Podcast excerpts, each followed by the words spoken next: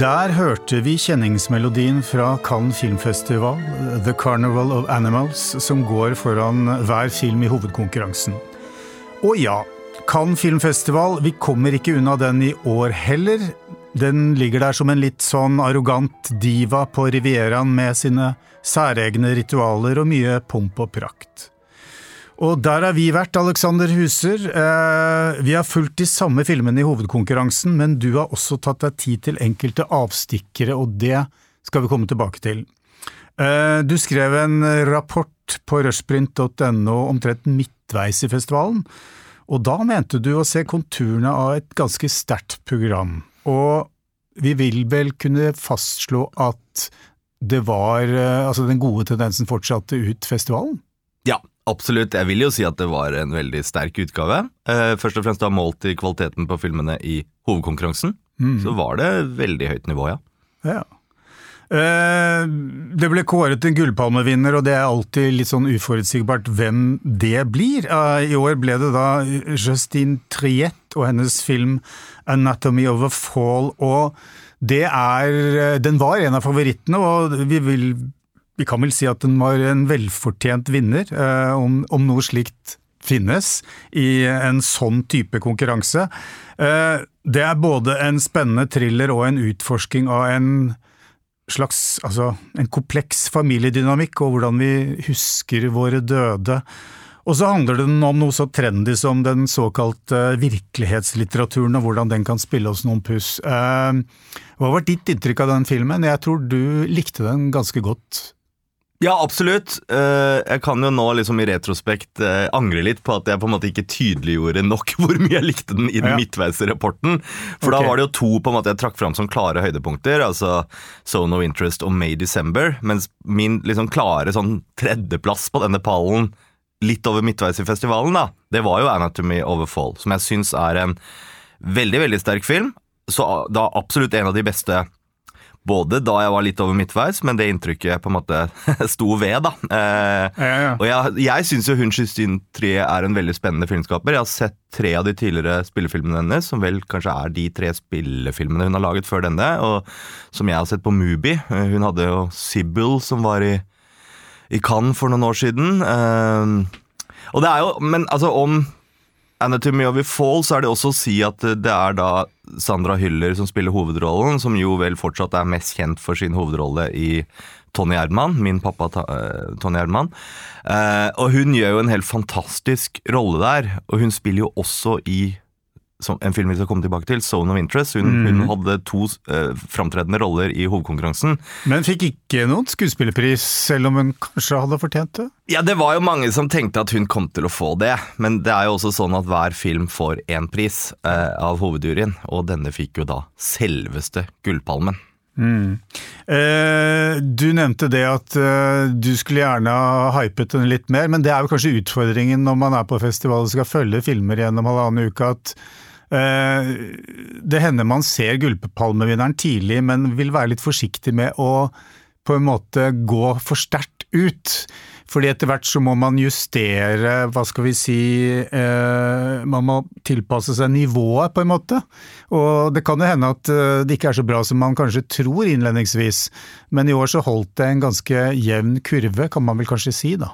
Ja, det vil jeg si. Og så er det jo det med at eh, Ja, som jeg sa i stad, så holdt jo også den sin pallplassering for meg. Men, men det som også Jeg er egentlig veldig glad for at Anatomy of Fall vant, da. Men du har de to andre som jeg trakk fram som liksom mine klareste høydepunkter. da May December av Todd Haynes og The Zone of Interest av Jonathan Glacier. Eh, de er filmer som kanskje liksom i konsept og tematikk, i form, er filmer som roper litt mer etter oppmerksomhet, da, som står mer ut eh, på flere vis. Mens Anatomy of a Fall da er kanskje liksom noe som er litt mer finstemt familiedrama, ikke sant? kombinert med et rettssalsdrama. Eh, det er en to, ti, to og en halv time lang film som er fantastisk, på en måte velfortalt, men likevel liksom ikke noe som har en sånn liksom in your face-tematikk eller formspråk som dermed liksom Men, men Eh, desto mer imponerende egentlig at de greier å forvandle en, en film som foregår i en, uh, i en slags uh, Altså et, et, et hus oppe i eh, Alpene, uh, og resten foregår da i et rettssal. Og de får det til å virke Altså får det til å være spennende, da. Ja, og det er jo sånn... Og det sånn er tre, i hovedsak egentlig bare tre-fire personer som har et slags kammerspill, da. Ja, jeg, Vi kan jo si litt om handlingen. At det begynner med at da Sandra Hyller, som eh, er en kjent forfatter og skriver såkalt virkelighetslitteratur, eh, hennes mann og far til deres barn, han er omkommet etter et fall da på utsiden av dette huset deres i Alpene. og Det er under mistenkelige omstendigheter og uklare omstendigheter, og hun blir da tiltalt for å ha drept ham. Eh, og så er det jo da Tittelen er veldig god. Det er på en måte en sånn avskrelling. Eh, en sånn slags obduksjon av hva som skjedde i dette fallet, da. Og så Eh, blir det selvfølgelig en obduk obduksjon av forholdet mellom de to. Nettopp. Og det viser seg at han var en eh, relativt frustrert forfatter selv, eh, med ambisjoner, og det var en slags konkurranse, eller en slags Altså det var et komplisert forhold mellom de to, Eh, og det gjør jo på en måte dramaet enda mer interessant. Og så har de sønnen som havnet midt i det hele, og som har gjort seg noen refleksjoner som, som kommer ikke minst til uttrykk under rettssaken, og som på sett og vis også overrasker uh, hovedpersonen, altså henne, uh, som forfatter og, og mor, da. Ja, det er jo en, ja, en film som klarer å overraske hele tiden underveis, syns jeg. eh, hvor du på en måte aldri helt vet hvor du kommer til å lande. Og hvor også liksom Det er jo takket være et veldig sånn dyktig manus og, og, og, og ypperlig regi, men det er jo også om da rolleprestasjonen av Sandra Hyller. At hun også er en litt sånn enigmatisk karakter. da, At du ikke helt klarer å lese henne eh, i mange av situasjonene i rettssaken og i, i, det vi ser av henne i møtene sine med advokat og med sønnen sin hjemme i, mellom slagene i rettssaken. ikke sant, så eh, Ja, det er veldig sånn fascinerende Altså Spenningen ligger jo veldig mye i det at du aldri aner hvilken retning den skal ta, eller hvor du har på en måte denne sentrale karakteren. da.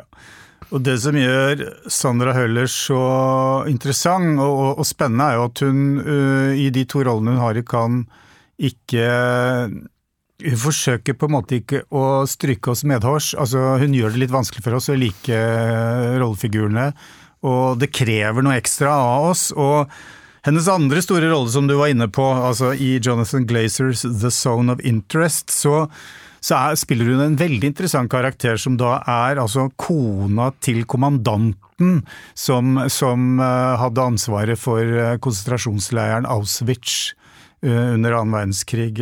og hva kan vi si om den rollen? Den, den er jo enda mindre likende, kan man si. Den er Altså, hun våger å gå inn i, hva skal vi si, soner i den filmen som, som få andre skuespillere gjør, eller får anledning til, da. Ja, det er jo en film som har en veldig original vri på det å være en film om andre verdenskrig på et vis. ikke sant? Den er jo da basert på Martin Amys bok eh, med samme navn, og som Martin Amis døde jo for øvrig, denne britiske forfatteren døde jo Et par samme- dager etter eh, filmen hadde premiere. Jeg tror det var samme Ja, dag, ja. 19. samme dag. Samme dag som filmen hadde premiere Ja. i Cannes.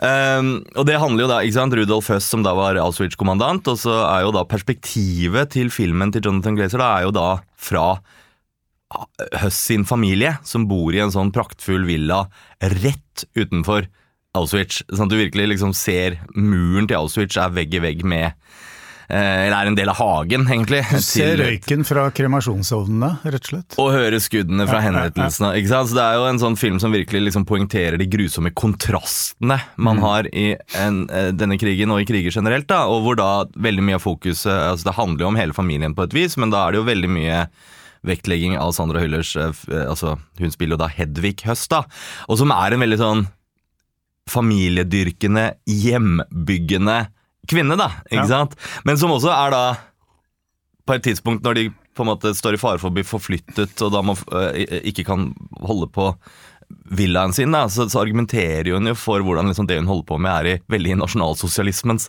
ånd. da. Ja. Så ja, som du sier, hun er jo ikke en veldig likeable karakter, da, som en som på en måte er både virker nærmest i fullstendig fortrengning overfor eh, jødeutryddelsen som foregår liksom vegg i vegg, eh, men, men like fullt også en sånn svoren nasjonalsosialist. da. Mm. Men hun er jo opptatt av å bygge familie det er, og hjem. Dyrke hjemmet sitt. Det er det Ja. hun er først og fremst opptatt av.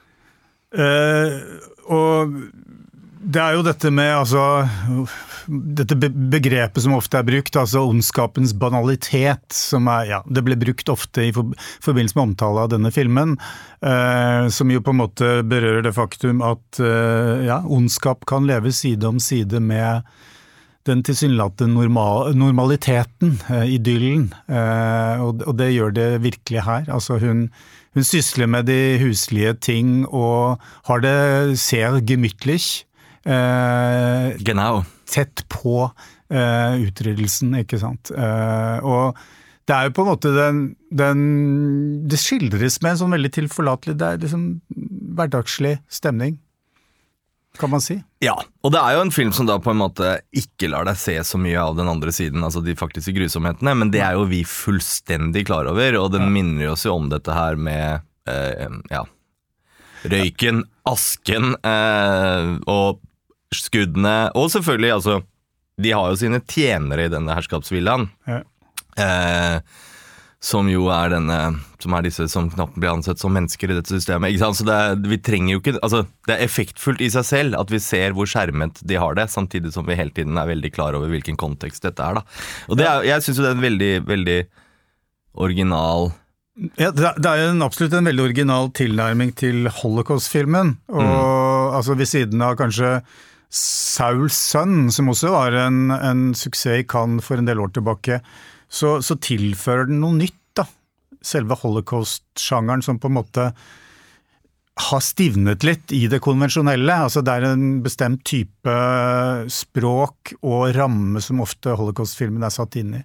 Men her får vi noe helt annet. Og, og vi må Vi tvinges jo, eller de fleste vil bli tvunget til å reflektere over uh, egentlig representasjon av, av utryddelsen på film. Slett. Altså, tenk, man, man blir tvunget til å tenke litt over hvordan det i hele tatt er mulig, og, og, og, og hvordan det kan gjøres. Mm. Og, den, han er jo også veldig sånn formsterk som filmskaper. Eh, Jonathan Glazer, og i denne filmen så bruker han jo til og med noen animasjonssekvenser innimellom, ikke sant? hvor du følger, altså følger noen av de jødiske kvinnene her, da, hvor det er på en måte ser ut som det er fordi det er en karakter som gjør noen litt sånne eh, lysskye operasjoner om natta, da, og det ser ut som det på en måte er skutt med, med sånn nattkamera, men det er vel eg- faktisk da digitale animasjonssekvenser, eksempel. Så den, det er jo en film som da også bryter med de formelle altså ja, Det er jo en slags sånn etablert måte å lage film om andre verdenskrig på, eh, langt på vei, ikke sant? som denne filmen bryter med på mange måter. da. Og Det må også sies om han Jonathan Glazer for å plassere ham litt, at han er, veldig, han er jo britisk og en veldig sånn fascinerende filmskaper. som er, Dette er hans fjerde spillefilm. Han har også markert seg med en del kortfilmer, men han, hver film er på en måte føles som om det er laget av en helt ny filmskaper. Han debuterte med denne Sexy Beast, en britisk gangsterfilm på et vis, med en litt sånn minimalistisk plott, sentrert også rundt egentlig et hus, mer eller mindre. Og så lagde han Birth med Nicole Kidman, og så den siste filmen var jo med Scarlett Johansson, denne, det er jo ti år siden, tror jeg, Under the Skin, som er en form for science fiction-film, men som, som er veldig sånn gritty og skitten, og bruker nærmest sånn dokumentarinnslag, nesten. Så, sånn at det er, filmene hans er liksom, hver og en av dem er som om det er laget av en helt annen filmskaper enn de forrige, da. Noen, et knippe filmskapere som tilsynelatende lager den samme filmen gang på gang, er jo noen av The Usual Suspects som var til stede på festivalen. Og det er jo kjente navn som altså, Moretti, Kaurismäki, Wim Wenders, Marco Bellocchio, Ken Loach. Altså, de var også med i år, og noen har jo ment at disse er blant de som ofte har hatt klippekort i Cannes. Eh, men, er det en rettferdig kritikk i forhold til hva de leverte i år? Kanskje ikke egentlig, nei. nei. Med et par, ja, et par av dem, kan man kanskje si det om. Men jeg vil, altså, vi skal jo heller ikke glemme han eh, tyrkiske Nuri Bilge Ceylan, Ja. som kanskje egentlig kan nevnes der, selv om han, sant, det går sånn ca. fem år mellom hver av filmene hans, og han vant Gullpalmen for rundt ti år siden med Vintersøvn. Og han lagde Det ville pæretreet for fem år siden, og nå lagde jo han About Dry Glasses, som er da den internasjonale tittelen på hans tre timer og et kvarter lange film som vil si mer eller mindre nøyaktig like lang som 'Vintersøvn', da. Som var jo en veldig sterk film, som var en av manges favoritter også, og som jo også da endte opp med å vinne en av prisene fra hovedjuryen, men den vant jo da prisen for beste kvinnelige skuespiller, da. Eh, så han var jo en av de som virkelig leverte, på en måte, men altså enda mer sånn veteraner som var tilbake, da. Wim Wenders hadde du og så hadde du jo Kaurismäki. Eh, som en, Aki Kaurismäki som eneste nordiske bidrag, Ja, ja. eh, eller deltaker i hovedkonkurransen. Han syns jeg jo virkelig leverte, da. Ja, og han skåret jo høyt på altså, screens, uh, hva- skal vi si, oversikt over uh, altså kritiker, uh, jury, barometer, så skåret han høyest. Men jeg må jo si at når jeg så den filmen, så tenkte jeg ja, dette er jo Kaurismäki på sitt sedvanlige. Altså, det er det er de samme tablåene, eh, på sett og vis. Eh, Eller, eller, eller kunne du spore noe, noe som var annerledes denne gangen? Ikke så veldig, nei. altså nå er det jo sånn at Kritikere kan jo ofte si hvis de føler at en filmskaper har levert noe litt sånn halvveis, og så er det noe som på en måte er veldig slik de pleier å være, så kan man si 'return to form'. ikke sant? Ja, ja, men jeg, jeg var litt sånn usikker på Jeg ble litt rørt når jeg så det, men det var jo fordi det har gått uh, lang tid eh, siden sist jeg så filmene hans, så på en måte så var det noe trygt uh, og, og, godt ved å, å oppleve det universet som jeg har sett så mange ganger før. Fordi det er på en måte en av de få hva skal vi si, hermetisk lukka filmuniversene i Cannes som bare man er blitt vant til skal komme hvert fjerde eller femte år. Ja, ja. ja. Og, men, men for så vidt, hvis man skal trekke fram noe nytt til dels nytt. altså Det er jo det at eh, disse karakterene Det er jo en slags kjærlighetshistorie ikke sant? om to ensomme mennesker i Helsinki. Eh, og Kaurismäkis filmer føles jo litt tidløse. Han har jo veldig mange på en måte Han har et univers som på en måte er vel så mye 80-tall og 60-tall som det er i dag. Men likevel så er det kalender i denne filmen som sier 2024, faktisk. Og så er det jo da en konstant mer eller mindre tilstedeværelse av eh, nyhetsreportasjer på, eller nyhetsinnslag på radioen da, eh, på kjøkkenet hos særlig da den ene av disse karakterene, som da hele tiden kommenterer krigen i Ukraina. Og det kan man jo si at er litt nytt, at han har en veldig sånn dagsaktualitet og vil kommentere det. Funker det? Jeg, jeg syns jo det var litt påklistret, må jeg si. Eh, Men, men, men det er jo ikke sånn at denne, dette universet følger noen noen uh, realistisk uh, mal. Altså, det, er jo ikke, ikke realisme det her, uansett. Men, men jeg, hadde, jeg må si at det var uh, jeg, jeg stiller fortsatt Jeg lurer fortsatt på egentlig om det fungerer. Altså, det er vel kanskje ikke superelegant, men det plaget meg heller ikke. Og jeg syns jo, for meg så veier liksom Det er en såpass eh, sympatisk intensjon med det, da. Å Mm. minne oss på den situasjonen. At uh, jeg på en måte liker at han gjør det. Men nå må det jo også sies at det er jo ikke helt sånn brudd med hva Kaurismäki har gjort i sine siste filmer.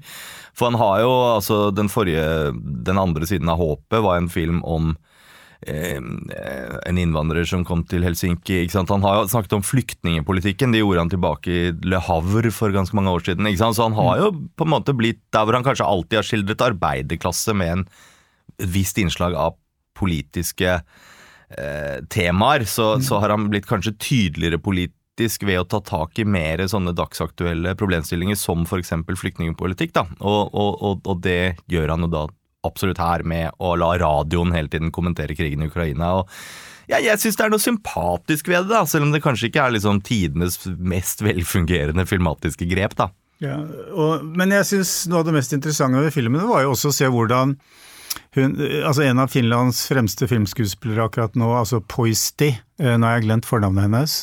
Eh, Men, men altså hvordan hun, som har spilt helt andre typer roller før, tilpasser seg Kaurismäki-stilen.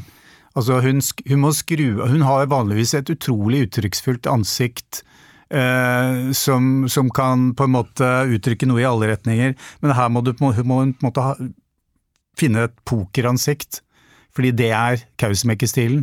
Ja. De, skal, de, de skal ha et pokeransikt, og så skal det være litt melankolsk eh, finsk tango i bakgrunnen og andre ting som på en måte får oss til å føle noe av det vi ser. Eh, og det var veldig interessant, eh, bare, bare for å ha sagt det. Ja, det var, det hun som spilte Tove Hun spilte Tove Jansson i den biopicen om henne, Nettopp. den finske, som gikk på norske kinoer i forrige fjor, tror jeg. Ja, det kan stemme. Og, eller ja, noe sånt. Og den er jo Altså, Spillestilen man må ha i Kaurismäki-filmer, det er jo vel deadpan, er vel Ja, et veldig ja, tekkende ja. begrep.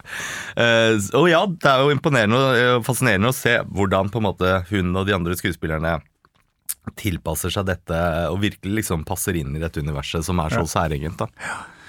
En, en, jeg var inne på, på det, altså dette, denne kritikken mot Cannes eh, om at de, de tar inn mange av the usual suspects, og i år så var det, som jeg nevnte, mange av de, og, men det som også var interessant i år, var at eh, altså 80-åringene uh, var med i høyeste grad. Altså, vi hadde Martin Scorsese, Marco Bellocci og Ken Loach som var der med filmer, og Særlig Scorseses film ble jo godt mottatt og viser at han er fortsatt i fin form. Uh, Jeg tenker da på Killers of the Flower Moon. Og du smiler? Ja, for jeg fikk ikke sett filmen. Nei, du gjorde ikke Nei, du fikk ikke sett den. Nei, jeg så den. Uh, og, og eh, selv om den da var uh, akkurat som eh, en enkelte andre filmer, altså den var, den var tre og en halv time, kanskje den lengste. I hvert fall blant de mer profilerte filmene.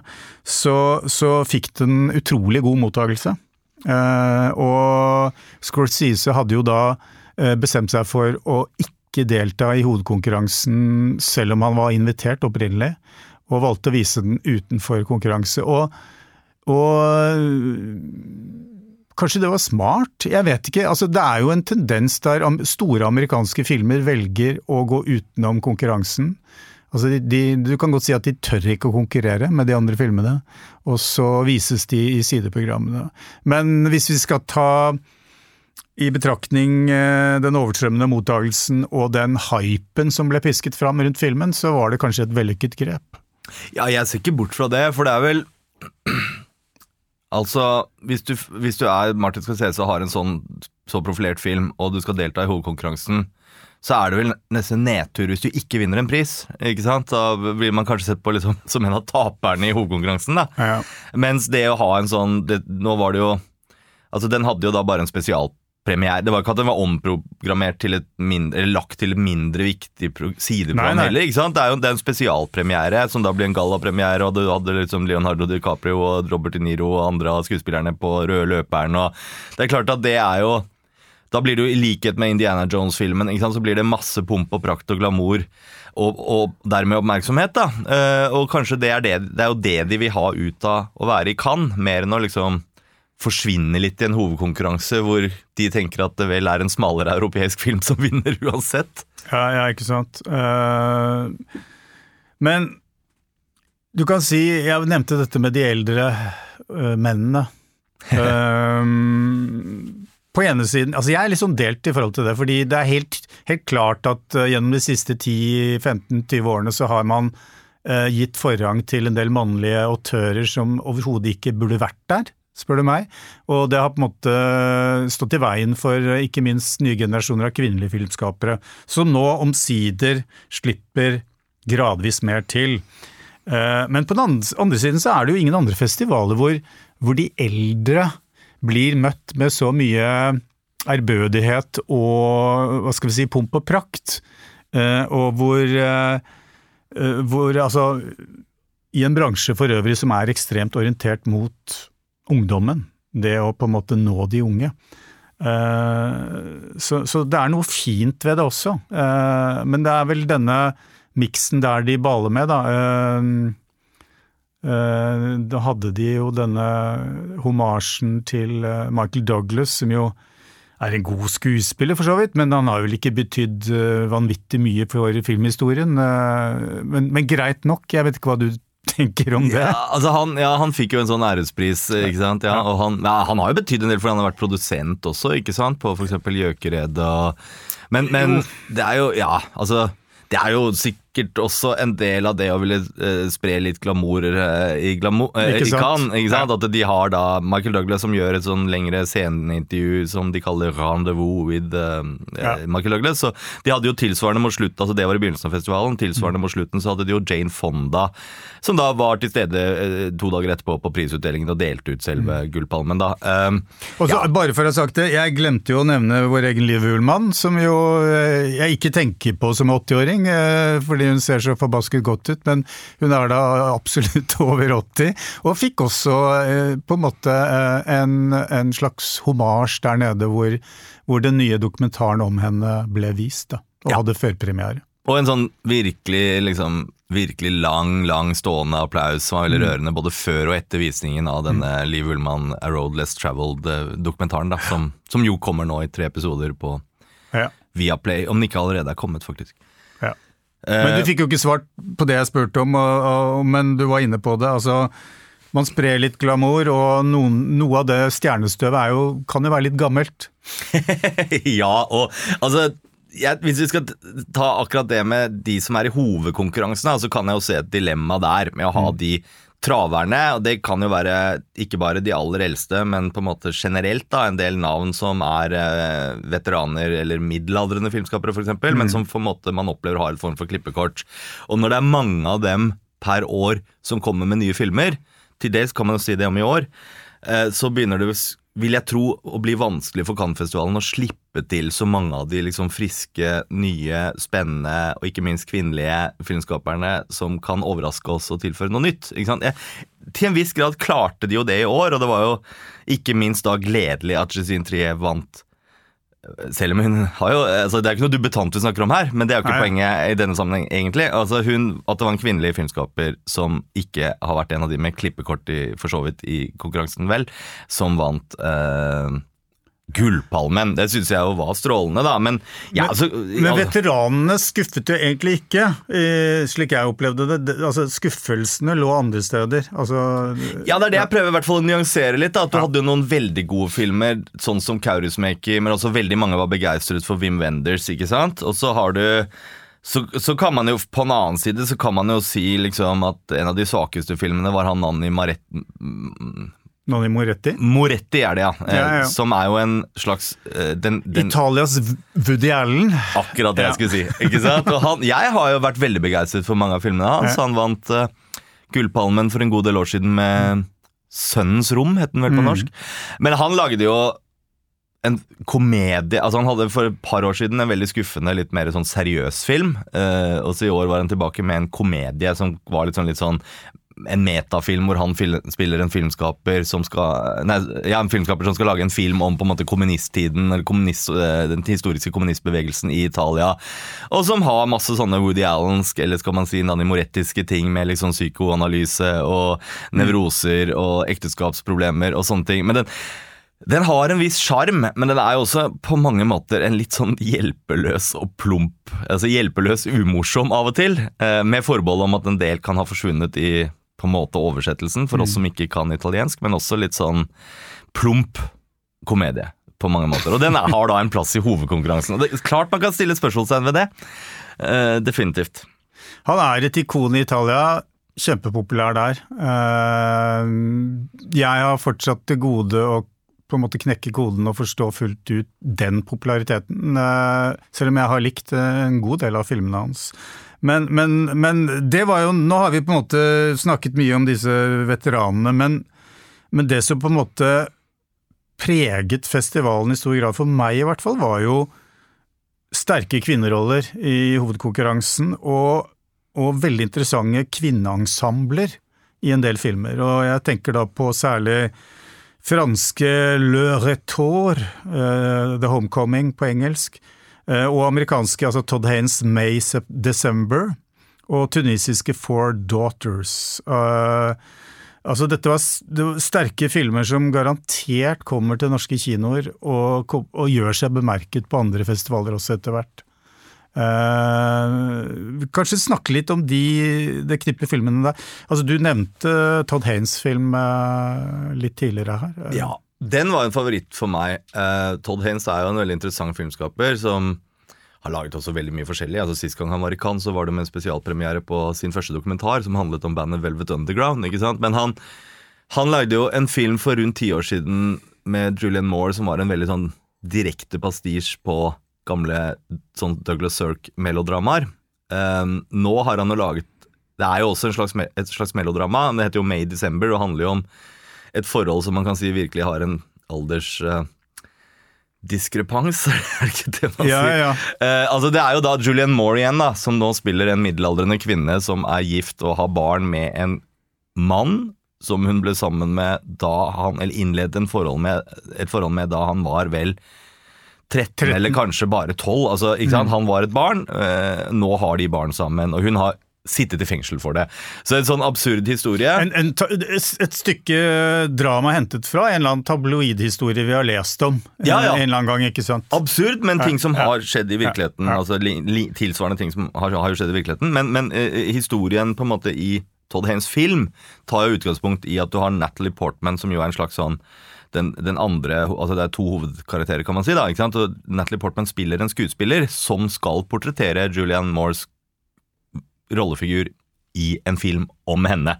Så her får du jo også et slags metaaspekt, kan man si, da, men hvor, på en måte, det som er filmens handling, er jo først og fremst da hvordan Natalie Portmans karakter tilbringer tid med Julianne Moores familie for, som research for denne filmen. Da. Og det er jo en det er jo en sånn, vil jeg jo si, en litt, nesten litt sånn formmessig nyskapende film, fordi at den leker veldig med liksom Litt sånn, nesten litt sånn kitschy sjangre. Altså Den legger seg litt sånn tett opp mot liksom såpeopera og litt melodrama, men kanskje liksom melodrama mer på en sånn telenovella, såpeoperaaktig måte. ikke sant? Og plutselig kan du få sånn kjempedramatisk musikk i en scene, for eksempel, for å liksom understreke at oho, nå skjedde det noe overraskende. Og ja, så Det er litt sånn, litt sånn ironisk innfallsvinkel, på en måte. da, som, som Du kan jo liksom bare Altså Det er noe litt sånn touch av Fassbinder der, som jo var en filmskaper som var inspirert av Douglas Sirk og melodramaene, og gjorde det på sin måte, gjerne i samtidige en- filmer. ikke sant? ja, Eller er filmer fra lett- sin egen samtid. letthet ved uttrykket. eh, En kanskje lekenhet, da. Definitivt en Ja. lekenhet som også gjør at jeg liksom tenker litt på John Waters. Eh, ikke sant? Altså, Den tredje referansen som jeg jo nevnte når jeg skrev om den nå, er jo liksom på en måte Bergmans persona, som er jo noe litt sånn ganske mye tyngre enn John Waters, men, men, men nettopp som dreier seg om hvordan liksom Natalie Portman sin rollefigur gradvis tilnærmer seg Julian Moore sin, og i det ligger det også en helt sånn fantastisk rolleprestasjon, for du ser at liksom Portman sin rollefigur gradvis tar til seg mer og mer av faktene, eh, og blir mer og mer denne karakteren til Julian Moore, da, som er veldig fascinerende og veldig imponerende.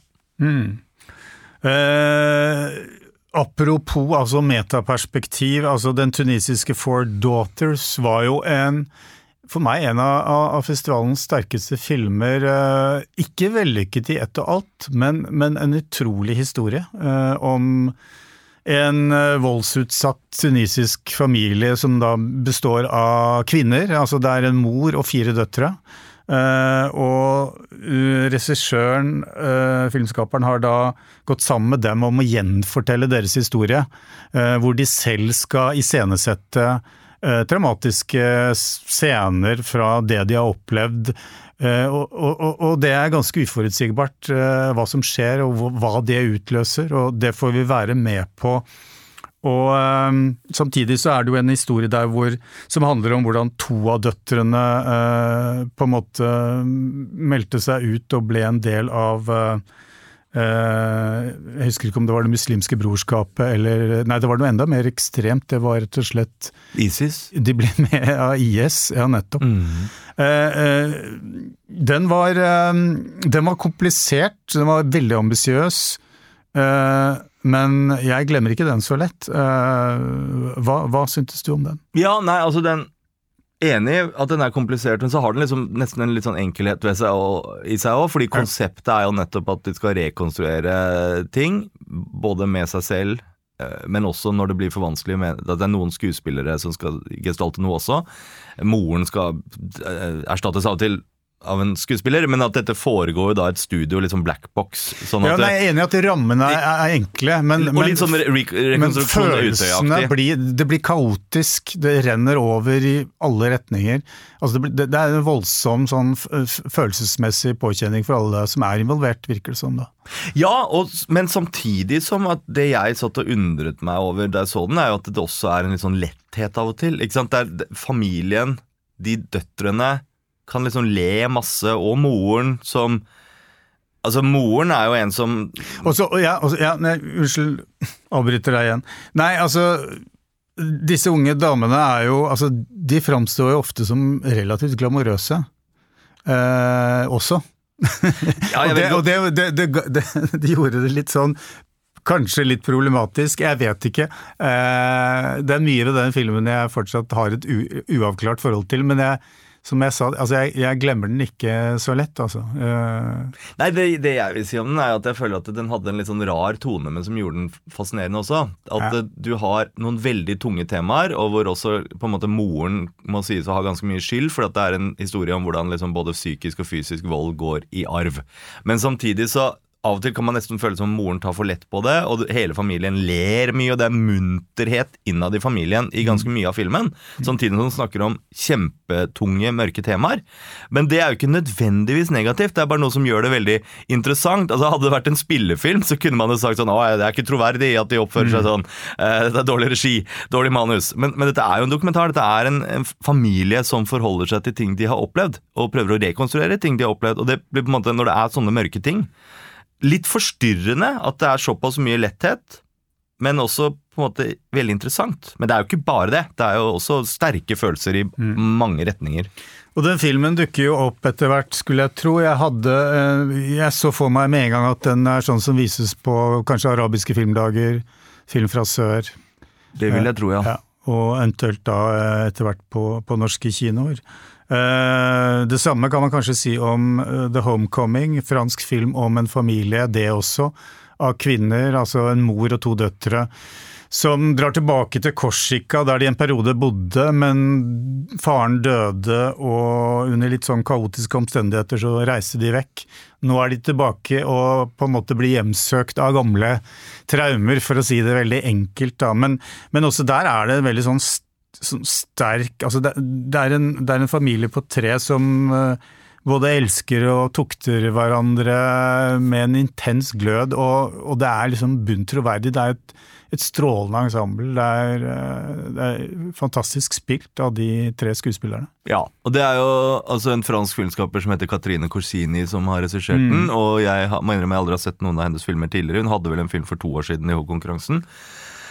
Enig i at hun gjør eh, en fantastisk jobb med disse skuespillerne, som jeg ikke helt husker navnet på. Men det er jo, den kan jo kalles en sånn coming of age-fortelling, som vi kritikere liker å bruke. Man har jo sett det hundre ganger før, Ja, ja. Men, men ikke på akkurat den måten, ikke sant? Nei, og det er jo disse to tenåringsdøtrene som står i fokus, ikke sant? Og, og en mor som da Det har skjedd ting, faren lever ikke lenger. Altså Moren da dro jo, forlot jo Korsika med de to jentene da de var veldig små, og, og nå vender hun jo tilbake for første gang til dette egentlig lille samfunnet når døtrene er eh, tenåringer, og moren har jo da bakgrunn, familiebakgrunn fra Afrika, og i, i, med det så møter jo også ja, denne familien, og særlig disse tenåringsdøtrene, på mye rasisme på Korsika når de kommer tilbake. da, og det er jo, jeg synes det var litt sånn, Du har sett elementene før, at sånn gradvis blir familiehemmeligheter avdekket osv., men jeg syns også den var liksom Egentlig en helt strålende film. Den var eh, så nydelig gjennomført og, og holdt deg interessert i karakterene, og, og som du sier, også fantastisk godt spilt. da.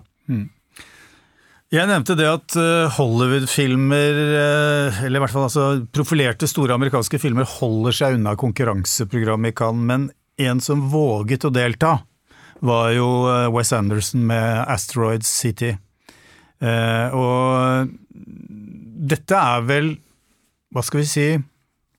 Jeg pleier å kategorisere Wes Andersons filmer i liksom de, de jeg syns er bra, eh, men jeg siden jeg ikke er noe fan, så blir jeg aldri på en måte Jeg omfavner aldri liksom eh, filmene hans uforbeholdent. Eller de jeg på en måte ikke synes eh, fungerer i det hele tatt. Og noen av de er sånn, framstår sånn for meg. Og denne her har havnet et sted midt imellom, på en måte. Eh, man gjenkjenner jo Wes Anderson umiddelbart fra liksom første centimeter av lerretet.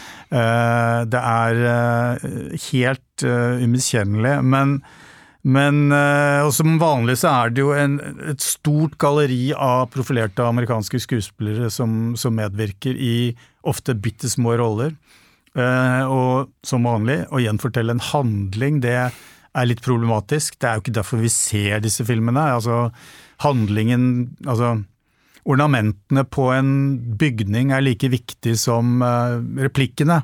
Altså det er, det er totaliteten som betyr noe, ikke sant. Eh, hvor vil du plassere denne filmen i hans filmografi? Altså, Ja, Jeg ble vel egentlig positivt overrasket. Jeg er ikke hans største fan, jeg heller. Men han har jo laget noen filmer som jeg virkelig virkelig har likt da, uh, gjennom tidene. Og jeg syns jo nesten han er best når han gjør animasjon etter hvert. Han har jo en litt sånn kjølig tilnærming. Du, du, du sitter jo sånn, litt sånn ut, utenfra og observerer det han skaper. Mm. Men jeg vil jo uansett også prøve meg på bare kjapt å si noe om hva den på en måte handler om, eller settingen, da, for den heter jo Asteroid City, og denne gangen så er det liksom en historie fra amerikansk 50-tall, fra et litt sånn Area 51-aktig ja, En dystopisk feel good-film? Kanskje man kan si ja. det. Det er jo på en måte handler om noen karakterer som er plutselig strandet i en liten by i den amerikanske ørkenen, eh, i Nevada-ørkenen, som jo er et sånt sted som du får litt sånn eh, Area 51 assosiasjoner av, ikke sant? hvor det er noen observasjoner av noen ufoer osv. Og, og, og regelmessige atomprøvesprengninger i bakgrunnen. Stemmer, stemmer. eh, stemmer. Som, ingen, som ingen ser ut til å bry seg så veldig mye om. Nei, det er litt sånn sånn går nå dagene. men, men jo, over da du har uh, Scarlett Johansson som spiller liksom en, en, en stor skuespillerstjerne som er der, mens han Jason Swartzman, jo en gjenganger i Andersons filmer, som spiller en familiefar, nylig enkemann, som er der med sine barn, og alle er litt sånn i limbo der, da. Men ja, jeg, jeg ble nok egentlig positivt overraska, for altså, Wes Anderson gjør jo på en måte bare sin greie, og, og han er ikke etter hvert så veldig opptatt av å fortelle sånn fullendte narrativer heller, opplever jeg. At det er sånn mer, filmene hans er nesten mer konsepter, og hvor det blir litt sånn Pandoras eske, eller sånn lag på lag med ulike historier og assosiasjoner og digresjoner osv. Men det følte jeg at det ble for mye av i den filmen han lagde for to år siden, som også var i Cannes, The French Dispatch. Mm. At det var litt sånn, Du hang jo ikke med, for det ble så mye, det gikk så fort, og han bare peprer oss med disse ulike historiene i fortellingen. Nå så tar han seg ja, relativt som det måtte være, da, litt bedre tid. Ja. Eh, og ja, et konsept som jeg på en måte Universet han skaper der, som er ganske fascinerende, da. Men, men ja, det er jo heller ikke liksom, Hvis du skal gå dramaturgisk til verk, så er det jo liksom sånn Det er vel en film med knapt noen dramaturgisk forløsning, egentlig, og som kanskje heller ironiserer over det, samtidig som man tar et sånn metaplan av at eh, det vi ser er egentlig et teaterstykke, så vi skal få lære litt om liksom, framføringen og opphavet til dette stykket mm. fra et eller annet sånn off-Broadway i New York eller noe sånt. da. Mm. Uh, det vanket ingen priser, men, men, Wes Anderson er jo på en måte merkevare selv. Han har sine fans rundt omkring. Uh, så det var vel ingen som uh, det, det, er vel en forestilling på festivaler hvor han deltar at liksom han er litt sånn som Woody Allen var, da, at uh, filmene finner sitt publikum uansett. Ja, det vil jeg jo tro. Han har jo Og han, han, er ikke så på en måte omgitt av kontroverser som Allen, og han, jo, han har jo en stor fanskare. Ja. Det, mm. det, det, er jo mange som følger ham tett. Mm. Eh, vi har nå snakket om hovedkonkurransen, og kan består jo også av noen sideprogram. Eh, du har eh, Uncertain Regard, som er det offisielle sideprogrammet. Men så har de også Directors Fortnight og Kritikeruken, og, og særlig førstnevnte har jo vært en arena for veldig mye spennende film, og enkelte år så har jo kvaliteten der eh, vært like høy, om ikke høyere, enn i hovedkonkurransen. Det er i hvert fall noe man kan argumentere for. Du tok noen avstikkere for å se en del enkelte filmer som du hadde uh, hørt litt buzz om, uh, blant annet den amerikanske independent-filmen How to Have Sex, som uh, var en av britisk. Unnskyld! Den er veldig britisk. Den er veldig britisk. og den, den, den, var det mye skriverier om i etterkant, og en god del buzz rundt. Den, den fikk veldig god mottakelse, og fikk jo også en pris.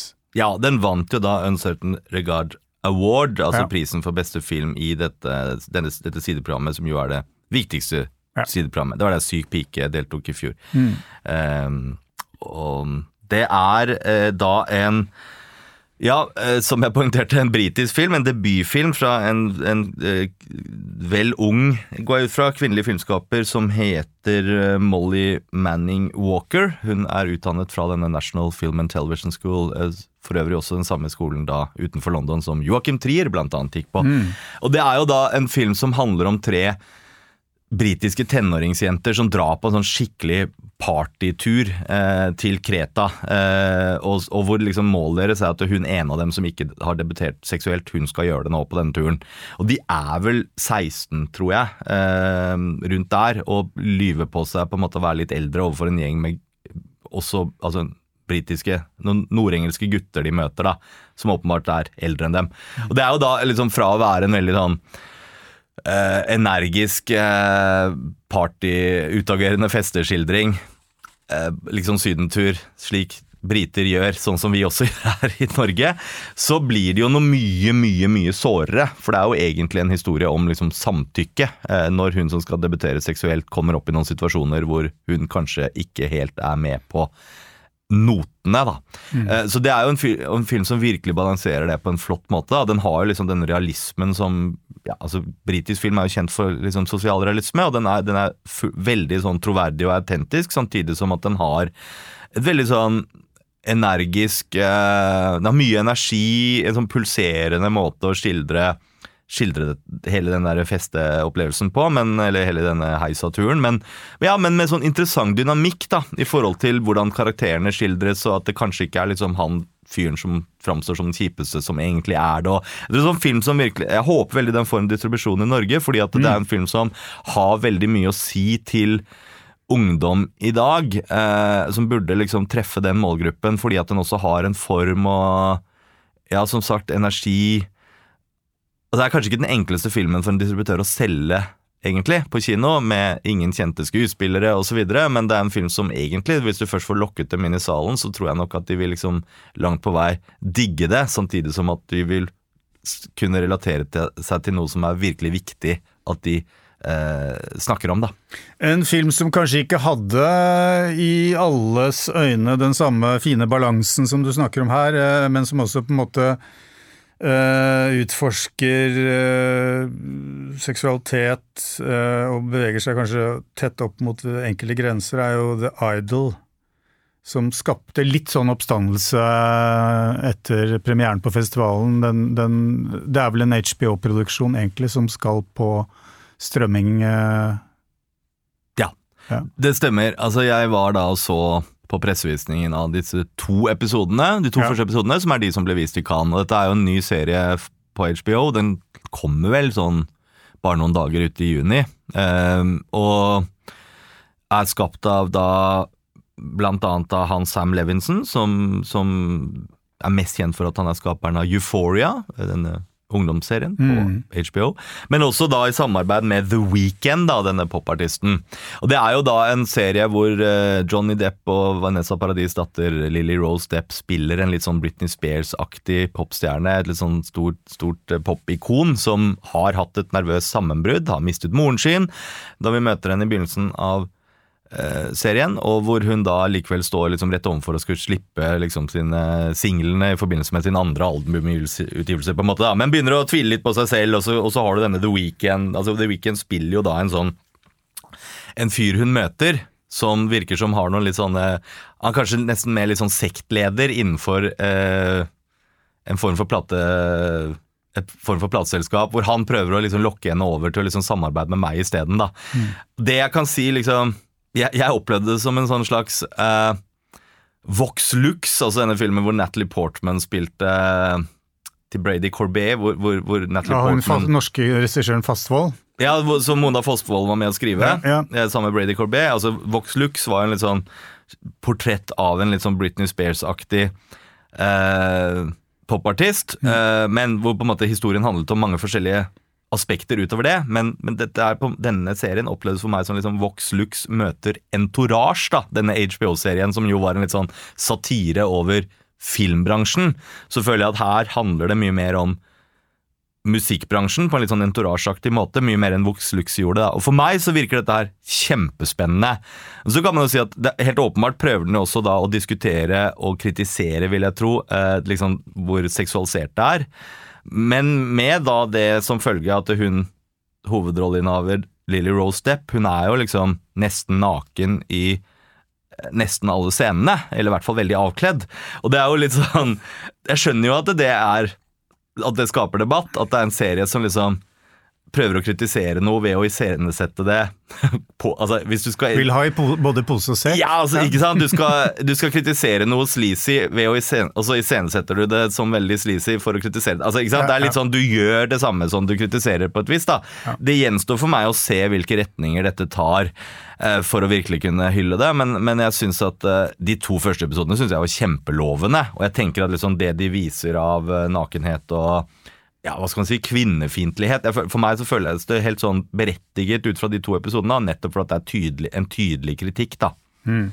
Uh, hvis vi, altså Når vi først er inne på Depp-familien, altså Johnny Depp uh, Man snakket om at eh, Cannes i år var hans comeback. Uh, og det var det jo på sett og vis, altså med en sentral rolle i, i åpningsfilmen Jean du Barry, som var utenfor konkurranse en fransk film, så, så spilte han av alle ting en fransk konge. Uh, og det gikk jo relativt bra. Franskmennene hadde ikke så mye å utsette på det. Uh, men, men, var det det comebacket vi uh, Altså, når man snakker om Johnny Depps comeback, tilbakekomst, så, så, snakker man ofte om Altså, noen viser til det faktum at han har vært utsatt for et slags yrkesforbud Eh, eller de mener det, og, og, at han har ikke hatt en ordentlig rolle i en stor film på lenge. Eh, noen av oss andre, når vi snakker om hans comeback, tenker litt mer på at han, han har faktisk ikke gjort noe særlig utfordrende på veldig lenge. Altså, han har valgt ganske safe, og han har ofte valgt dårlig. Eh, og så tenkte i hvert fall jeg at Kanskje er dette en, liksom, en, en, vei tilbake hvor vi kan få se den, den, utforskende og dristige Johnny Depp. Jeg vet ikke om jeg, jeg ble ikke helt fornøyd, fordi rollen er relativt begrensa, men eh, han gjorde en, en noenlunde grei innsats. Men, men, var det Johnny Depps endelige comeback? Nei, jeg, jeg, vet ikke, det er vanskelig å si. Det var vel et sånn slags sånn skritt på veien mer. Eh, jeg er jo ja. enig med deg at, at Altså Ja, han har vært utenfor rampelyset fordi at han har nok blitt litt sånn kansellert, men, men, på den annen side så har han jo også før det vært litt sånn fanget opp i at han har hatt disse store blockbusterne. ikke sant? Ja. Så at han har gjentatt Jack Sparrow-rollen og den type ting. da. Så man kan jo si at kanskje det er litt sånn blessing in disguise at han har hatt såpass mye motvind. Mm. Eh, at han nå på en måte er nødt til å se seg om etter litt mer sånne europeiske filmskapere som gir ham mer, utf mer utfordrende roller. Og han har på en måte Når han var tilbake i Cannes, så var det jo liksom sikkert med en viss sånn følelse av victory. At han hadde seiret. ikke sant? Fordi at han, han gikk jo seirende ut av den siste rettssaken rettssaken mot eh, ekskona Amber Heard. Og så har han inngått en ny, en lukrativ avtale med uh, et fransk kosmetikk, globalt selskap, til en verdi av 20 millioner dollar. Ja, stemmer det. Han er den høyest betalte mannlige modellen ja. eh, i den sammenhengen. Ja. eller noe sånt. Men han, ja. ja. altså, jeg likte jo denne filmen. Jeg syns jo det han gjør som er interessant der altså, Det er jo interessant at han gjør en rolle på fransk. da, Nå har han jo hatt en fransk kone en gang i tiden. Mm. Men, men, jeg kan, snakker ikke fransk selv, så jeg kan ikke helt bedømme liksom, akkurat hvor god han er uh, i det. Men, men, men, ja, hvis franskmennene kjøpte det, så hatten av for det. Men, jeg syns jo det han gjør som er bra her, er at uh, Johnny Depp med liksom hele sin persona, på en måte, så tilfører han til denne kongen Ludvig den 15. Ja. Han tilfører denne auraen av litt sånn aldrende rockestjerne, da. Som ja. jeg syns passer altså sånn, Han er en god cast på grunn av det, da. Nettopp. Mm. Eh, man snakker om at Cannes etterlot filmindustrien med en slags optimisme. Uh, I den forstand at ikke bare filmene i, i hovedprogrammet var gode, men, men fordi eh, markedet på en måte omsatte sånn som man hadde håpet, mer eller mindre. Selv om, selv om amerikansk forfatterstreik f.eks. For satte en stoppe for noen prosjekter som kunne ha på en måte gått videre og fått en avtale osv. Så, videre. så det var en relativt vellykket utgave, kan man vel si. Eh, eller? Ja, jeg har ikke sånn veldig innblikk i markedet, på en måte. Men ja, jeg også skjønte jo at den streiken selvfølgelig var litt sånn Det var, skapte jo noen skyer i horisonten på en eller annen måte. Eh, at det nesten føles sånn usolidarisk for en del å slå på stortromma med store innkjøp osv. Men likevel så har vel på en måte kjøp og salget gått sin gang. Og jeg tipper at det kommer en, opp, en del optimisme bare ut fra at konkurransefilmene i seg selv, altså nivået var såpass høyt. Mm. For så viktig er jo faktisk han.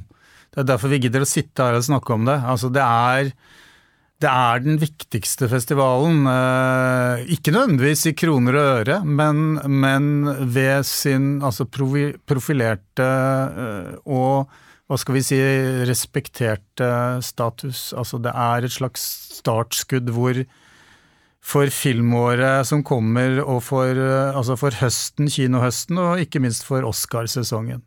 Hvor mange av filmene her på en måte går videre og, og, og gjør det ganske skarpt uh, innenfor uh, oppløpet til Oscar-nominasjonene. Mm.